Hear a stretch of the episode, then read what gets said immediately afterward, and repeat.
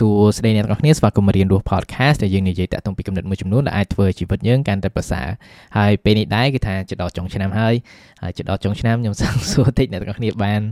អានយ៉ាងម៉េចដែរក្នុងឆ្នាំហ្នឹងបានអានសភៅប្រហែលក្បាលបានសភៅល្អល្អអត់ហើយខ្ញុំមើលខ្លួនឯងទៅក្នុងរយៈពេលមួយឆ្នាំហ្នឹងអានបានច្រើនដែរអញ្ចឹងណាហើយថ្ងៃដែរខ្ញុំចង់ចែករំលែកតាក់ទងពីសភៅមួយចំនួន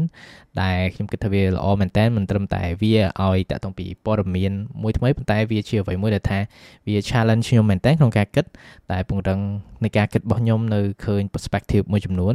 តែពីមុនមកទៅថាខ្ញុំអត់បានមើលឃើញហើយនៅក្នុង episode នេះដែរខ្ញុំនឹងចែកម្លែកសភៅ10ក្បាលដែលខ្ញុំគិតថាវា impactful សម្រាប់ខ្ញុំមែនតើនៅក្នុងឆ្នាំនេះហើយសភៅនេះគឺថាវាមាន non fiction ខ្លះហើយក៏មាន fiction ខ្លះដែរអញ្ចឹងបើសិនអ្នកទាំងអស់គ្នាចូលចិត្តអានលក្ខណៈ novel អី maybe មានជំរឿនមួយចំនួនក្នុងសភៅទាំងអស់ហ្នឹងដែរហើយយើងអាចចាប់ផ្ដើមជាមួយនឹង novel ហ្មងមាន3ក្បាលតាមពិតសភៅ novel ក៏ខ្ញុំអត់សូវបានអានច្រើនមែនដែរហើយខ្ញុំ appreciate មែនតើថាឆ្នាំហ្នឹងខ្ញុំចាប់ផ្ដើមអាន novel ច្រើនជាងមុនហើយក៏ឃើញប្រទេសសភៅមួយចំនួនថា novel ថាអូល្អមែនតើព្រោះធម្មតាខ្ញុំចូលចិត្តអានតែព័ត៌មានព័ត៌មានព័ត៌មានការគិតចឹងតើហើយទៅពេលនិយាយតាក់ទងទៅតាមសាច់រឿងវាក៏ជាអ្វីមួយដែលថាផ្ដល់បទពិសោធន៍នៃការអាន និងការគិតមួយផ្សេងអញ្ចឹងណាហើយសភៅទី1នេះមានឈ្មោះថា Norwegian's Food ដែលសរសេរដោយអ្នកសរសេរម្នាក់ជនជាតិជប៉ុន Haruki Murakami ហើយសភៅនេះគឺថាជាសភៅមួយដែលថាវា mind blowing សម្រាប់ខ្ញុំមែនតើនិយាយទៅ sim នៅក្នុងសភៅហ្នឹងគឺនិយាយតាក់ទងពី depression ហើយជាមួយនឹងរឿងស្នេហាអីច្រើនដែរអញ្ចឹងណាហើយក៏មានលីឡំតាក់ទងពីទស្សនវិជ្ជាមួយចំនួនដែលគាត់បាននិយាយនៅក្នុងហ្នឹងអ្វីដែលខ្ញុំចូលចិត្ត នៅក្នុងសភៅហ្នឹងគឺថាតួអង្គមួយគឺថាប្លែកប្លែកហើយផ្ដល់នឹង perspective ជាច្រើនមែនតើហើយក៏និយាយតាក់ទងពីអារម្មណ៍តាក់ទងពី loneliness តាក់ទងពីអីទាំងអស់ហ្នឹងដែលថាគាត់ unpack ជាលក្ខណៈ story ហ្នឹងមកហើយដល់ពេលខ្ញុំអានហើយអញ្ចឹងណាខ្ញុំបានចែកម្លែកជាមួយមិត្តភ័ក្តិខ្ញុំម្នាក់ដែលថាមាន book club អានសភៅទាំងអស់គ្នាអញ្ចឹងណាហើយនិយាយចេញមកគឺថានៅក្នុងខ្លឹមសារនៃរឿងហ្នឹងគឺថាវាមានចំណុចតូចតូចជាច្រើនមែនតើថាយើងអាច interpret បានហើយអ្នកនិពន្ធហ្នឹង Haruki Murakami ហ្នឹងគាត់ក៏មានសរសេរសភៅប្រឡំលោកច្រើនដែរហើយឆ្នាំនេះខ្ញុំបានអានពីរក្បាលហើយ Norwegian's Food ហ្នឹងមួយហើយជាមួយនឹង South of the Borders West of the Sun ហើយប្រហែលអាទិត្យទៀតនេះខ្ញុំចង់បង្ហើយសភៅមួយក្បាលទៀតរបស់គាត់ហ្នឹងឈ្មោះ Kafka on the Shore ខ្ញុំគិតថា novel របស់គាត់វាស៊ីជម្រៅវាផ្ដល់ perspective ច្រើនចឹងមានថាបើសិនម្នាក់ទាំងអស់គ្នាចូលចិត្តប្រឡំលោភហើយជាពិសេសប្រឡំលោភដែលថាជួយឲ្យគិតគឺថាសភៅហ្នឹងហ្មងសភៅទី2គឺមានឈ្មោះថា Midnight Library តាមសភៅហ្នឹងខ្ញុំថបធ្វើវីដេអូ separately ដែលនិយាយតាក់ទងពីសភៅហ្នឹងសភៅហ្នឹងក៏និយាយ seem ទៅលើ depression ដែរដែលតួអង្គនៅក្នុងហ្នឹងគឺថាគាត់ចង់សម្រាប់ខ្លួនអីចឹងហើយដល់ពេលគាត់ attempt សម្រាប់ខ្លួនហ្នឹងគឺថាពេលវេលាគឺថា stop មួយកន្លែងហើយគាត់ចូលនៅក្នុងទៅពិភពលោកមួយដែលគាត់ចំណាយពេលនៅក្នុងដែលគេហៅថា midnight library ហ្នឹងដែលគាត់មើលខ្សែជីវិតរបស់គាត់ផ្សេងផ្សេងតាមជំរឿគាត់ផ្សេងផ្សេងហើយក៏កុំ spoil រឿងហ្នឹងទៅទៀតព្រោះថាការយកឃើញនៅក្នុងសភៅហ្នឹងគឺថាវាល្អមែនទែនសម្រាប់ខ្ញុំវាតាក់ទងពី ការមើលបកទៅក្រោយតាក់ទងពីអតីតកាលតាក់ទងពីជំរឿតាក់ទងពីអនាគតរបស់យើងហើយនៅក្នុងរឿងហ្នឹងក៏និយាយបានលើកឡើងតាក់ទងពីទស្សនវិជ្ជាមួយចំនួនថាវាជួយផ្លាស់ប្ដូរការគិតរបស់ខ្ញុំនឹងដែរហើយយ៉ាខ្ញុំចូលចិត្ត storyline ហ្នឹងហើយចូលចិត្ត concept Midnight Library ខ្ញុំអត់ដឹងថាវា exist អត់ប៉ុន្តែអ្នកសរសេរ Matt Hage ហ្នឹងខ្ញុំគិតថាគាត់ unpack រឿងហ្នឹងមកល្អមែនតើហើយគាត់ក៏ធ្លាប់ជា victim នៃ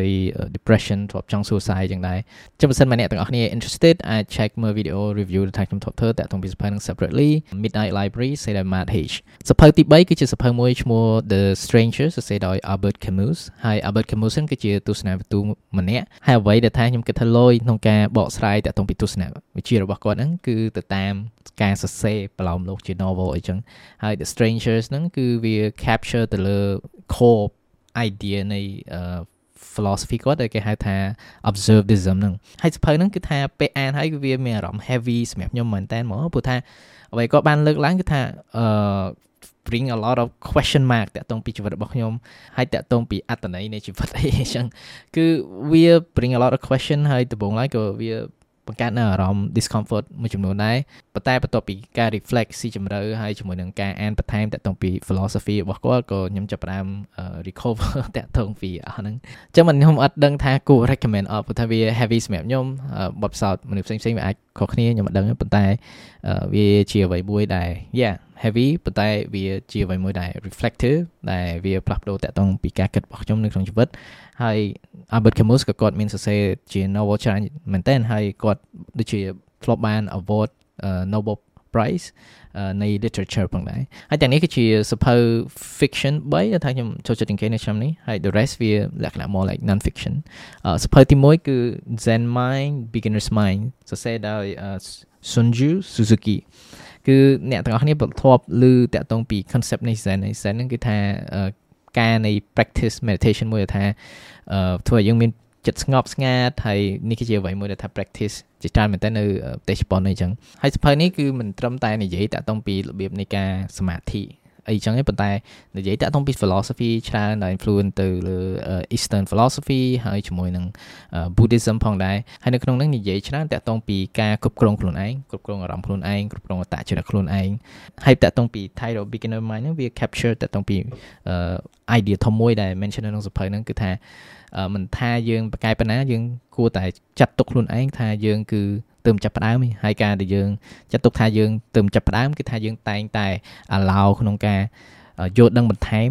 តាក់ទងពីចំណេះដឹងអីផ្សេងផ្សេងបើសិនបើយើងគិតថាខ្លួនយើងយើងចេះអស់ហើយប្រកាសជាយើងអត់រៀនទៀតយើងអត់សិក្សាបន្ថែមទៀតទេអញ្ចឹងចំពោះគាត់គឺថាមិនថាយើងដល់ចំណុចណាក៏ដោយគឺយើងចឹងនិយាយថា treat ខ្លួនឯងដូចជាខាប់មួយដែលអត់ទាន់ពេញកែវទឹកមួយដែលអត់ទាន់ពេញដែលថាយើងនៅតែអាចទទួលបានហើយខ្ញុំគិតថានេះគឺជាអ្វីមួយដែលថាជួយធ្វើឲ្យយើងមាន ថាចេះដាក់ខ្លួនណា humble តាក់ទងពីជីវិតរបស់យើងថាយើងបកែប៉ុណ្ណាក៏ដោយគឺថាយើងនៅតែមើលមើលខ្លួនឯងខ្ញុំទើបចាប់ផ្ដើមមានអ្វីមួយចំនួនឬក៏អ្វីជាច្រើនដែលថាខ្ញុំអត់ទាន់ដឹងហើយខ្ញុំនឹងខំប្រឹងក្នុងការសិក្សាបន្ថែមសភៅបន្ទាប់គឺ Show Your Work សរសេរដោយ Austin Kleon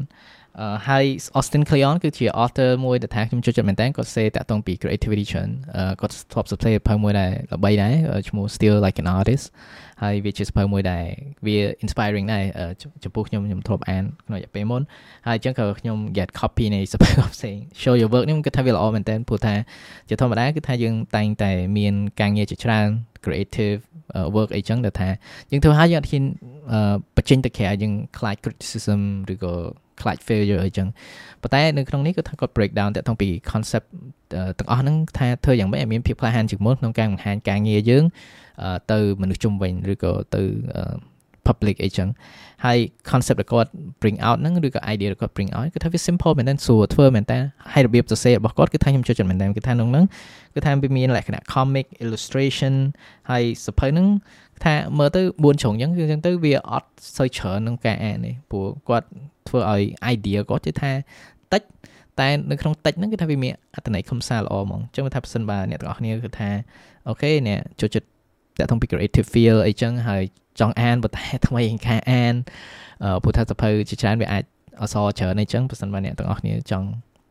get a lot from uh, reading a few uh, Austin Kleon ខ្ញុំគិតថា work របស់គាត់ great សភៅបន្ទាប់វារៀងលក្ខណៈរៀង spiritual តិចសភៅហ្នឹងឈ្មោះ Freedom from the Known សរសេរដោយ Jiddu Krishnamurti គាត់គឺជាលក្ខណៈ spiritual leader philosopher ម្នាក់ហើយសភៅហ្នឹងគាត់និយាយច្រើនតាក់ទងពីការធ្វើឲ្យខ្លួនយើងបំភ្លេចនៅអ្វីថាយើងធ្លាប់ដឹងព្រោះវាជាច្រើនមែនតើការដែលយើងធំឡើងគឺថាយើងចាប់ផ្ដើមរៀននិងយល់ដឹងជាច្រើនហើយវាមានអ្វីជាច្រើនដែលថាយើងយល់ដឹងឬក៏មានផ្នត់កំណត់មួយចំនួនដែលថាយើងយកមកដាក់ខ្លួនទោះបីជាយើងអត់ដឹងខ្លួនហើយទោះបីជាវាអត់ល្អក៏ដោយហើយគាត់ capture idea តាក់ទងពី self awareness ច្រើនក្នុងការចំណាយពេលជាច្រើនក្នុងការសិក្សាខ្លួនឯងយើងសិក្សាខ្លួនឯងដោយ you know be more conscious នៅអ្វីដែលថាយើងធ្វើរាល់ថ្ងៃតាក់ទងពីការគិតរបស់យើងតាក់ទងពីទំនាក់ទំនងរបស់យើងពេលដែលយើងនិយាយជាមួយអ្នកដទៃតើយើងមានអារម្មណ៍យ៉ាងម៉េច យើងយកទំនាក់ទំនងទាំងអស់ហ្នឹងយកមកសិក្សាសម្រាប់ខ្លួនឯងអញ្ចឹងទៅយើងយល់ដឹងកាន់តែច្រើនតាក់ទងពីខ្លួនឯងហើយចាប់ផ្ដើមបង្កើតលក្ខណៈដូចថា unique identity សម្រាប់ខ្លួនឯងអញ្ចឹងណាហើយសភៅហ្នឹងយ៉ាវាបង្កើតនៅការគិតច្រើនមែនតើចំពោះខ្ញុំនិយាយទៅវារៀង similar concept តាក់ទងពី beginner's mind ដែរតែគាត់ថាវាខ្ញុំគិតថាវា deep បើថាវា step out of a zen concept ហើយវា go ទៅលក្ខណៈ spirituality ហ្មងហើយ Jiddu Krishnamurti ហ្នឹងគឺជា author ម្នាក់ដែលថាខ្ញុំចង់សិក្សាបន្ថែមទៅលើព្រោះថាគាត់ធ្លាប់មាន work ជាច្រើនដែលថាគាត់ធ្លាប់ធ្វើអញ្ចឹងអញ្ចឹងប្រសិនបើអ្នកទាំងអស់គ្នា interested តទៅពី self awareness យល់ដឹងពីខ្លួនឯងខ្ញុំគិតថាសភៅហ្នឹងគឺជាអ្វីមួយដែលថាវាអាចជួយយើងផងដែរOK សៀវភៅបន្ទាប់ឈ្មោះ The Warrior Within សរសេរដោយ John Little ហើយជាមួយនឹង Bruce Lee អឺ Bruce Lee លឺសឡុងហើយក្នុងរយៈពេល មួយឆ្នាំកន្លះអីមុនហ្នឹងគឺថាខ្ញុំចាប់ផ្ដើមសិក្សាពី philosophy នៃ Bruce Lee ច្រើនមែនតើហើយខ្ញុំឃើញសភៅហ្នឹង Warrior Within នៅក្នុង Audible ថា audio book ចឹងណាដែលថាវានៅក្នុង subscription គេថា OK listen បានខ្ញុំចាប់ផ្ដើម listen ហើយវាល្អមែនទែនខ្ញុំចូលចិត្តសៀវភៅហ្នឹងដោយសារអីព្រោះថាវានិយាយតាក់ទងពីទស្សនៈរបស់ Bruce Lee ហ្នឹង ប៉ុន្តែ mainly តាក់ទងពីលក្ខណៈ self confident តើធ្វើយ៉ាងម៉េចឲ្យយើង confident ជាងមុនតើធ្វើយ៉ាងម៉េចដើម្បីឲ្យយើងមានភាពក្លាហានជាងមុនហើយអ្វីមួយទៀតដែលខ្ញុំចូលចិត្តណាពី audio book ហ្នឹងគឺថាពេលដែលអ្នកអានហ្នឹងគាត់អានគាត់ធ្វើសលេងដូចជា Bruce Lee អញ្ចឹងអញ្ចឹងវាថាវារៀង entertaining ហើយវារៀងលក្ខណៈដូចថា authentic ខ្លះអញ្ចឹងដែរមិនថាអានអានប៉ុន្តែគាត់រៀង try to adopt តទៅពី accent របស់ Bruce Lee នៃការនិយាយរបស់គាត់ហ្នឹងចាំបើសិនអ្នកទាំងអស់គ្នា interested តទៅពី self confident តទៅពី courage តទៅពី ភាពម៉ឺងម៉ាត់អីហ្នឹងសភៅនេះ can be very good ហើយខ្ញុំ suggest audiobook អូខេសភៅទី8ឈ្មោះ The End of Average សេដោយ Todd Ross សភៅនេះគឺចំពោះខ្ញុំថាវា mind blowing មែនតើគឺថាគាត់ធ្វើនឹងបង្ហាញតាក់ទងពី research មួយចំនួនដែលបងគាត់បានស្រាវជ្រាវអញ្ចឹងតាក់ទងពី social system ហើយជាមួយ education system របស់យើងដែលថាធ្វើឲ្យយើងមានអារម្មណ៍ថាយើងចង់ធ្វើជាភាពមធ្យមនៃមនុស្សជុំវិញខ្លួនយើងគឺថាខ្ញុំធ្វើយ៉ាងម៉េចឲ្យចូលចុះ ក្នុងលក្ខណៈមធ្យមភាពនៃមនុស្សជុំវិញហ្នឹងហើយការដែលយើងធ្វើបែបហ្នឹងគឺថាយើងបាត់បង់តាក់ទងពី unique identity របស់យើងយើងបាត់បង់តាក់ទងពី talent របស់យើងព្រោះយើង try to fit in ការ research មួយដែលគាត់ mention នៅដើមសភើថាខ្ញុំចូលចិត្តមែនតើគឺតាក់ទងពី pilot ពេលដែលគេធ្វើកប៉ាល់ហោះដំបូងហ្នឹងគឺថាពិបាកមែនតើព្រោះថាមនុស្សម្នាក់ម្នាក់គឺថាមានមៀតខុសគ្នាហើយការដែលមៀតខុសគ្នាអញ្ចឹងវាពិបាកក្នុងការអ្នកដែល design កន្លែងអង្គុយរបស់ pilot នៅក្នុងកប៉ាល់ហោះហ្នឹងរួចទៅគឺជំនាន់ហ្នឹងគេចាប់ផ្ដើមសិក្សាតាក់ទងថាតើជាមធ្យមមនុស្សកម្ពស់ប៉ុណ្ណាប្រវែងដៃប៉ុណ្ណាអីប៉ុន្មានរួចទៅគេរកឃើញមធ្យមអីប៉ុន្តែពេលរកឃើញមធ្យមហ្នឹងហើយគឺ អត់ឃើញអត់រកអត់ឃើញទេមនុស្សដែលថាមធ្យមហ្នឹងទោះបីជាគាត់កណនីទៅតាមទូរលេខអីក៏ដោយគឺពិបាករកមែនតើវាអាចម្នាក់ហ្នឹងគឺថាអូខេមធ្យមនៃកម្ពស់គាត់គឺវាត្រូវថាអាចអង្គុយនៅកៅអីហ្នឹងបានប៉ុន្តែដៃគាត់រៀងវែងជាង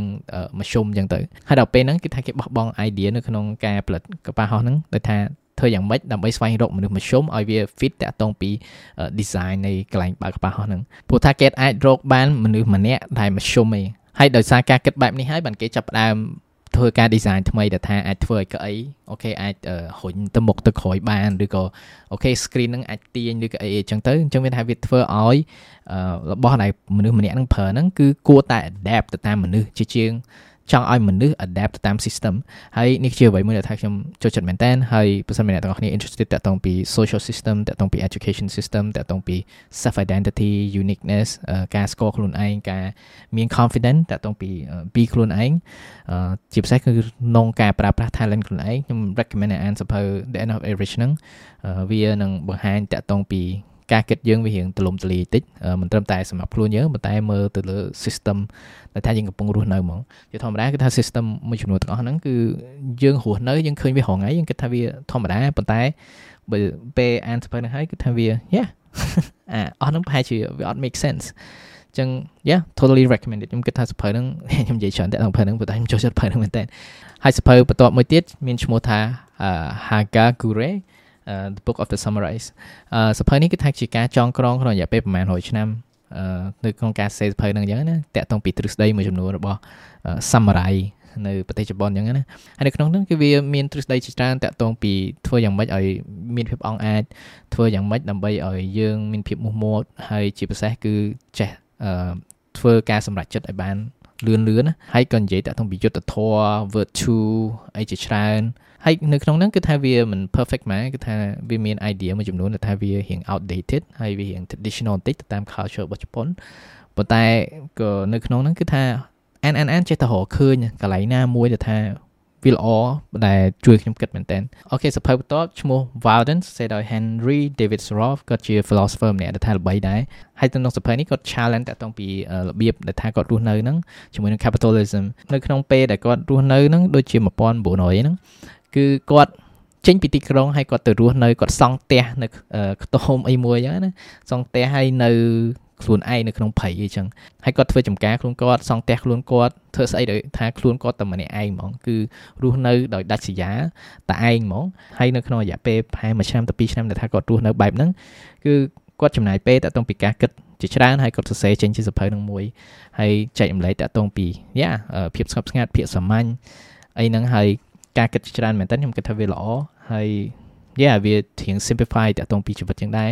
ព្រោះពេលខ្លះយើងតែងតែគិតថាយើងត្រូវការច្រើននៅក្នុងជីវិតរបស់យើងប៉ុន្តែពេលដែលគាត់ចេញពីទីក្រុងគាត់រស់នៅបែបហ្នឹងទៅក៏ធ្វើឲ្យខ្ញុំមានអារម្មណ៍មួយថា like យ៉ាប្រហែលជាខ្ញុំត្រូវការច្រើនពេកដោយសារពីវត្ថុដែលថាយើងមានសប្តាហ៍ថ្ងៃវាច្រើនហើយយើងនិយាយថា get used to តាក់ទងពី living style ទាំងអស់ហ្នឹងអញ្ចឹងអឺ yeah if you're interested check it uh Walden Henry David Roth អូខេអញ្ចឹងនេះគឺជាសភៅ10បែបខ្ញុំគិតថាវា valuable សម្រាប់ខ្ញុំមែនតើនៅឆ្នាំហ្នឹងហើយបើខ្ញុំ run through list នៃ10សភៅហ្នឹងទី1គឺ Norwegian Foods សេដោយ Haruki Murakami ទី2 Midnight Library សេដោយ Matt Hitch ទី3 uh, The Strangers សេដោយ Albert Camus ទី4គឺ Zen Mind Beginner's Mind សេដោយ Sunju Suzuki ហើយ Show Your Works សរសេរដោយ Austin Kleon uh, Freedom from the Known Chiru Krishnamurti Warrior Within សេរី John Little and Bruce Lee and The End of Eric សេរី Todd Ross Hagakure សរសេរដោយ Yamamoto Tsunemoto ហើយចុងក្រោយគឺ Varden សរសេរដោយ Henry David Roth អូខេខ្ញុំសង្ឃឹមថានេះគឺជាអ្វីមួយដែលថាមានប្រយោជន៍សម្រាប់អ្នកជាពិសេសបាទអ្នកចូលចិត្តអានហើយនេះគឺជាការអានរបស់ខ្ញុំនៅឆ្នាំនេះចូលចំពោះអ្នកដែរតើអ្នកអានសភៅណាល្អអត់បើសិនមកអ្នកអានសភៅណាដែលថាវាល្អសម្រាប់អ្នកនៅក្នុងឆ្នាំហ្នឹងអាចចែករំលែកនៅក្នុង comment section ខាងក្រោមអញ្ចឹងអរគុណមែនតើក្នុងការមើលវីដេអូនេះវារៀងឡងតិចព្រោះតែអាន run through សភៅ10ក្បាលអញ្ចឹងណាអញ្ចឹងខ្ញុំជួបគ្នាថ្ងៃក្រោយក្នុងអំឡុងពេលនេះអភិវឌ្ឍខ្លួនជានិច្ច